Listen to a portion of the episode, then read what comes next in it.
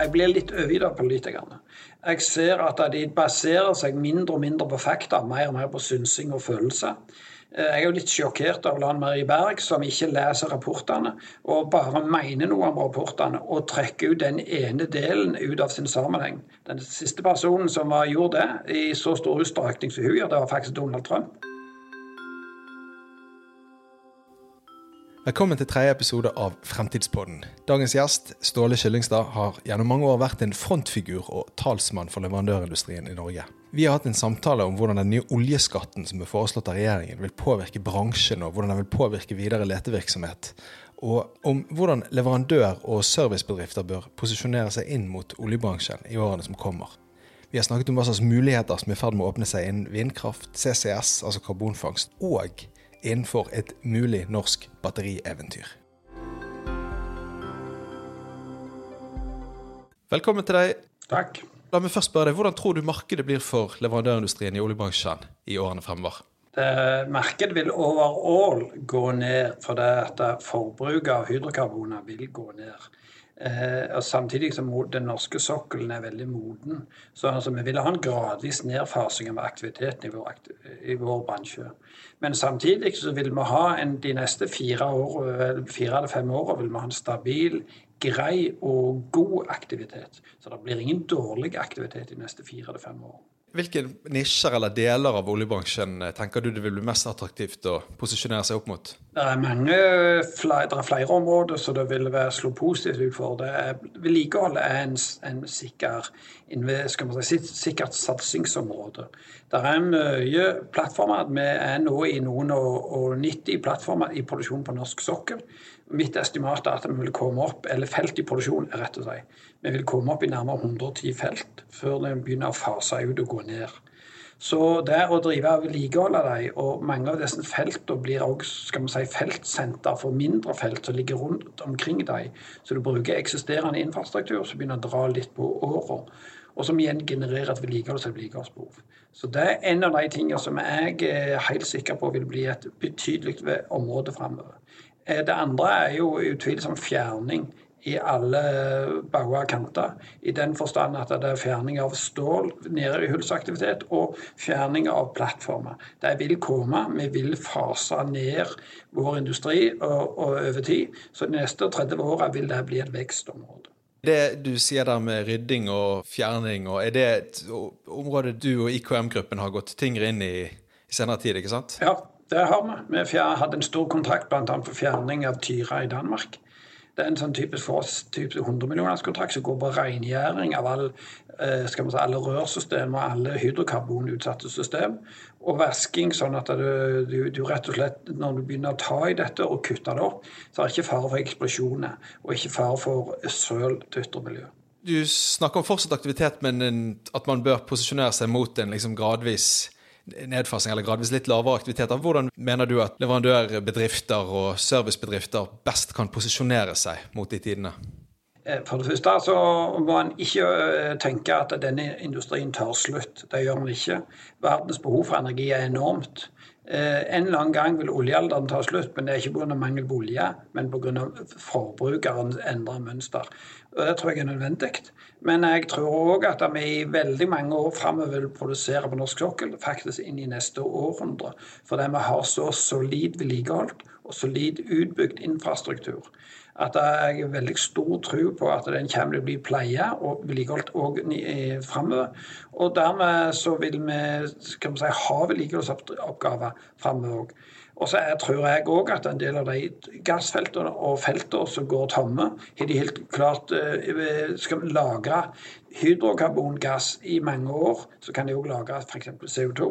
Så når vi lykkes skikkelig med CO2, så tror jeg òg at noen av, de, og, av systemene og rørledningene blir gjort om til transportsystem for CO2 ut i Nordsjøen, og at vi kommer til å lagre CO2 der. Mm. Du, vi ser det nå i valgkampen som pågår nå, generelt i den offentlige samtalen, at det er veldig mange som har meninger og krav til oljebransjen. Tror du at det vil bli et stadig økende press mot oljebransjen i årene fremover? Eller tror du vi finner en la oss si en lete- og produksjonstakt da, som Norge kan samle seg om og stille seg bak? Jeg håper det. Altså det politikerne eh, Jeg blir litt overgitt av politikerne. Jeg ser at de baserer seg mindre og mindre på fakta, mer og mer på synsing og følelse. Eh, jeg er jo litt sjokkert av Lan Marie Berg, som ikke leser rapportene og bare mener noe om rapportene og trekker ut den ene delen ut av sin sammenheng. Hun argumenterer, og hvis du ikke er enig med rapportene, så er det enten fake news, eller så er det bestillingsverk. Den siste personen som gjorde det i så stor utstrekning som hun gjør, det var faktisk Donald Trump. Så det er ingen positiv sammenligning. Og jeg ønsker ikke at politikerne skal basere seg på det. Jeg ønsker at vi skal ha en debatt basert på fakta. Det tror jeg vi er tjent med. Og klarer vi det, så tror jeg vi vil få en fornuftig skal man si, nedbygging av norsk oljeindustri og en oppbygging av ny energi. Eh, det ble jo nylig lagt frem et eh, forslag fra regjeringen til, eh, om endring i oljeskatten. Du var ute da og sa at det kunne ramme mindre leteselskaper. Kan du gi noen flere refleksjoner nå om hvordan endringer i denne retningen hvordan det kan påvirke leverandørindustrien? da? Eh, først, Det vil ramme mindre selskap som ikke har inntekter. Det vil ramme dem hardt. Eh, akkurat der var det kanskje en litt for god ordning, så det kan være at det er rett av myndighetene å gjøre det. Eh, det vil også, tror jeg, få begrense letingen noe. Og hvis du begrenser letingen noe, så rammer du de selskapene som er knytta til leteboring. Og så rammer du òg de leverandørkjedene som er knytta til leteboring. Og så må vi ikke glemme at da, uten eh, den skatterefusjonsordningen som var, og som nå er på vei bort, så hadde vi ikke funnet Johan Castberg og den Johan Sverdrup. Og, hadde, eh, og, og, det er kanskje veldig viktig, et veldig viktig poeng, at den har hjulpet oss å finne mange skal man si, ressurser som hadde bare blitt liggende. Så den rete og refusjonsordningen var veldig riktig da den kom. Så er det nok kanskje òg litt riktig å vurdere den om igjen nå. Hvis det da er mindre insentiver for leting, ser du en tendens til at i årene fremover blir mer fokus på, eh, på improved oil recovery, altså å få mer olje ut av eksisterende felt? Hva slags muligheter kan i så fall det skape for leverandørbedrifter? Det er jo kanskje det som gir mest mulighet for leverandørindustrien. Vi er i dag nærmere 200 000 personer som jobber i vår bransje. Og det er klart at da leting, som jeg tror da ikke vil bli rammet så hardt, leting nær eksisterende infrastruktur, det tror jeg vil fortsette. Det er leting i nye områder og risikoutsatte områder som vil gå ned.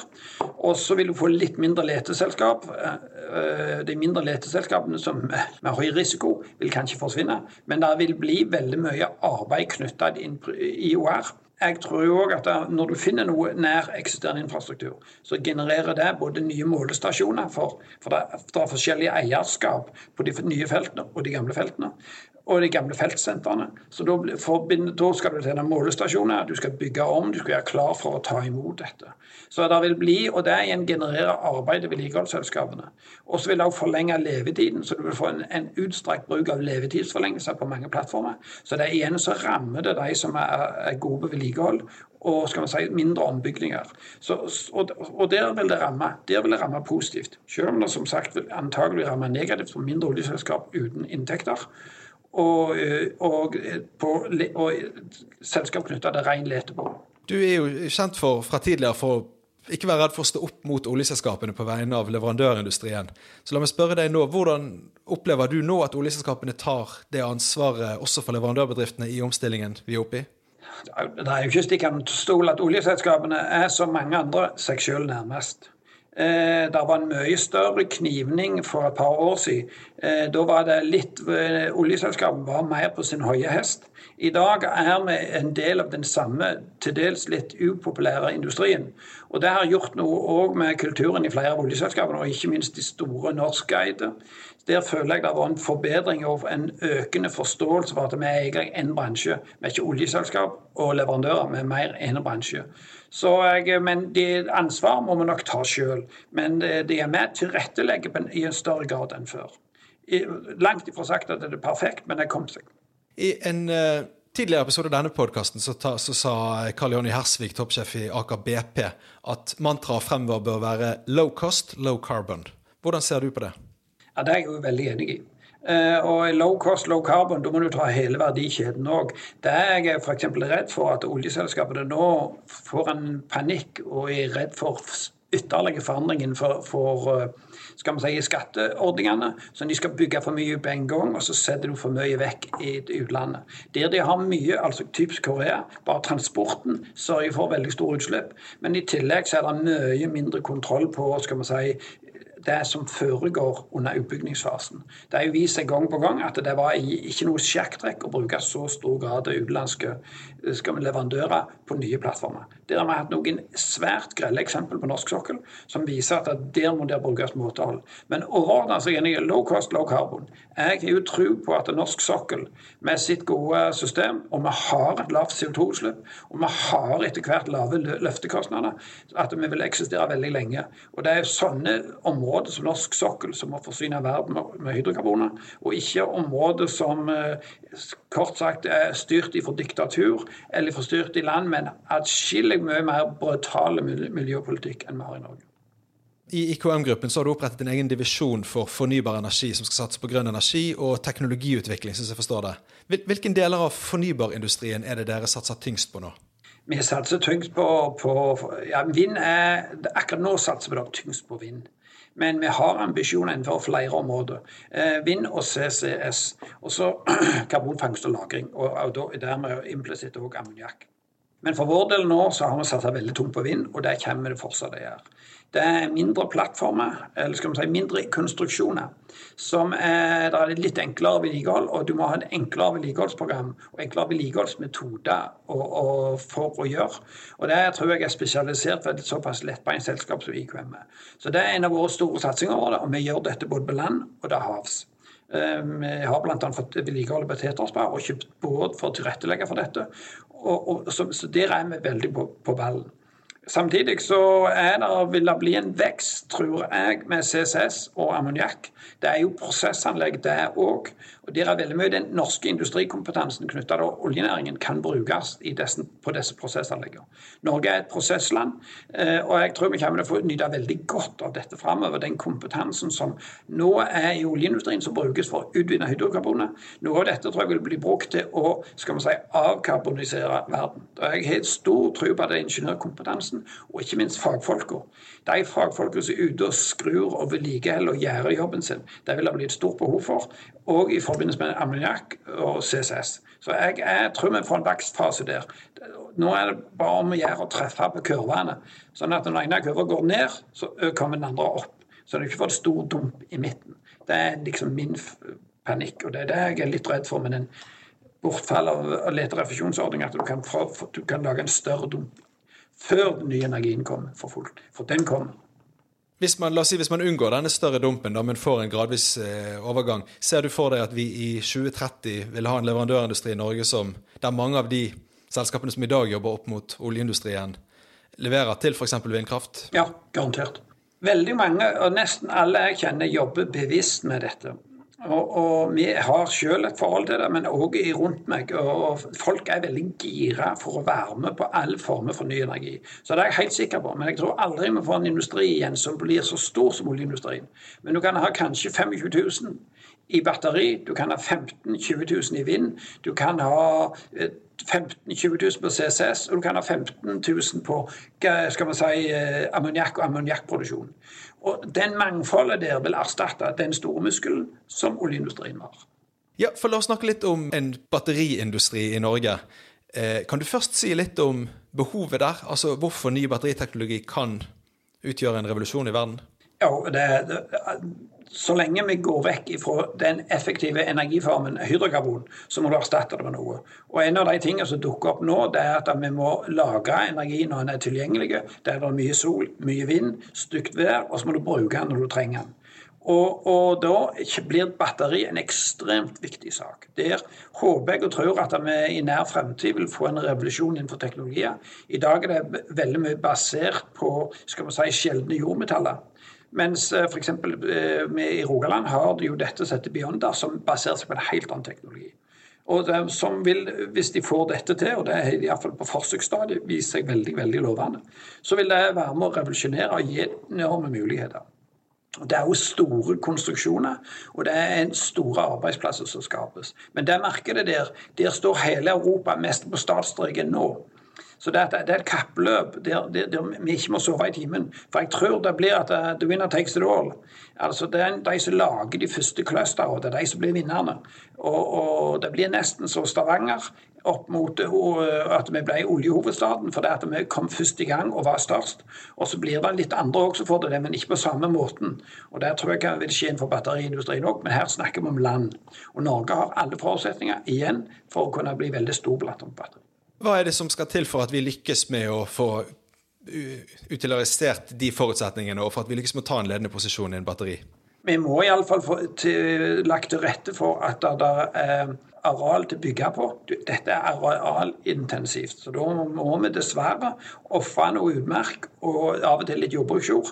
Vi må tilrettelegge for at desten får etablere seg. Det, vi har gjort det i uminnelige tider tilrettelagt for industri, men det må jo være balansert. og Det tror jeg vi skal få til. Men nå vet jeg f.eks. at på Jæren har det vært mer omstridt enn på andre plasser, der kommunene og, andre aktører nesten tilbyr f.eks. tomtene ned i 200-300 kroner, mens her på Jæren er det atskillig dyrere.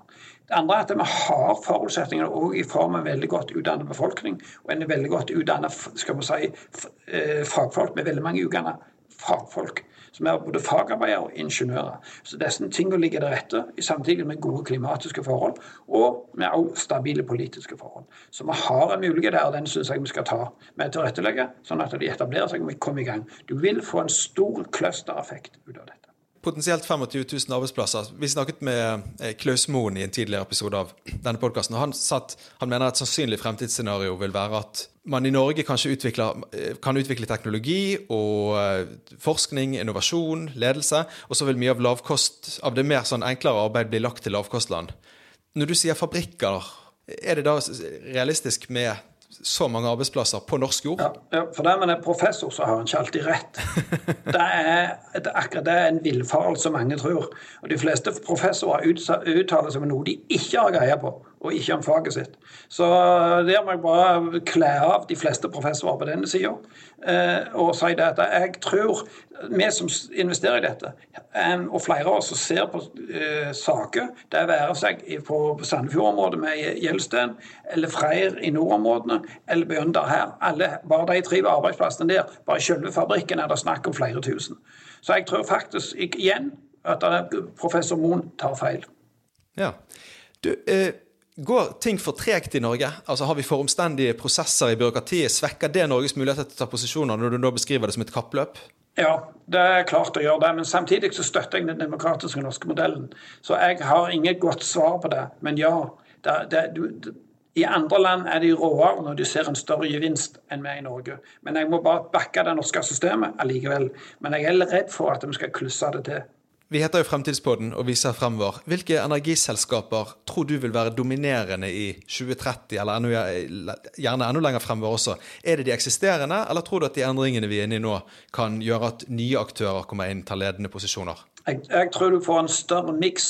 Altså, I dag er oljeselskapene ennå kalt oljeselskaper, så kaller de seg selv energiselskap. Mens lyse, altså kraftselskapene, hiver seg rundt. Og Jeg tror vi får en mye større miks av at alle blir energiselskap. og Det være seg om du hadde en base som oljeselskap, eller du hadde en base, base som kraftselskap. Men det vil bli energiselskap. Det vil alltid komme nye. For entusiasme slår kunnskap. Så det vil komme noe nye. Og det er akkurat som bilindustrien eksisterte eksistert i mange år, men Tesla kom for bli. Mm. Og, og, sånn vil det være. Men jeg tror ikke dermed sagt at Toyota og BMW forsvinner. Jeg tror bare at de er litt tregere. Men den entusiasmen som noen nye spillere i et marked, gammelt marked kommer med, den er helt nødvendig. Og det tror jeg vi vil få her òg. Men det vil allikevel bli hovedtyngden vil bli eksisterende energiselskap. Om, det være seg om de hadde basis i oljeindustrien eller basis i kraft, kraftprodusent.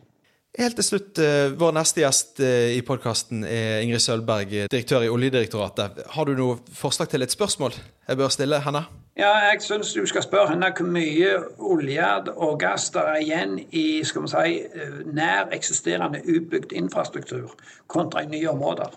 Det er en relevant ting å vite, for det er at politikerne våre veldig halve til en negativ trend med å bygge ut i nye områder. Men de, de ser at nå, så lenge du er i gang, så kan du hente ut mer i eksisterende områder. Og Det er noe jeg òg lurer på. Hvor er forskjellen i modne områder kontra i nye områder? Uh, og Det er en interessant spørsmål, for det sier litt om potensialet for skal vi si, utbyggingsindustrien og letevirksomheten på norsk sokkel i de neste 30 år. Da er vi spent på hva oljedirektøren svarer. De som følger med fremover, får vite det. Tusen takk eh, til deg, Ståle, for en god samtale. Takk for det, du. I like måte. Du har hørt tredje episode av Fremtidspodden med Ståle Kyllingstad som gjest. Serien er laget av Kraftverk digital kommunikasjon på oppdrag for OTD Energy i samarbeid med Innovasjon Norge. Produsert av Erling Keilen og meg, Kasper Synnevåg. Håper du vil abonnere på oss i appen du bruker, eller enda bedre, tips en kollega om din nye favorittpodkast. Vi er uansett tilbake neste uke. Takk for at du hørte på.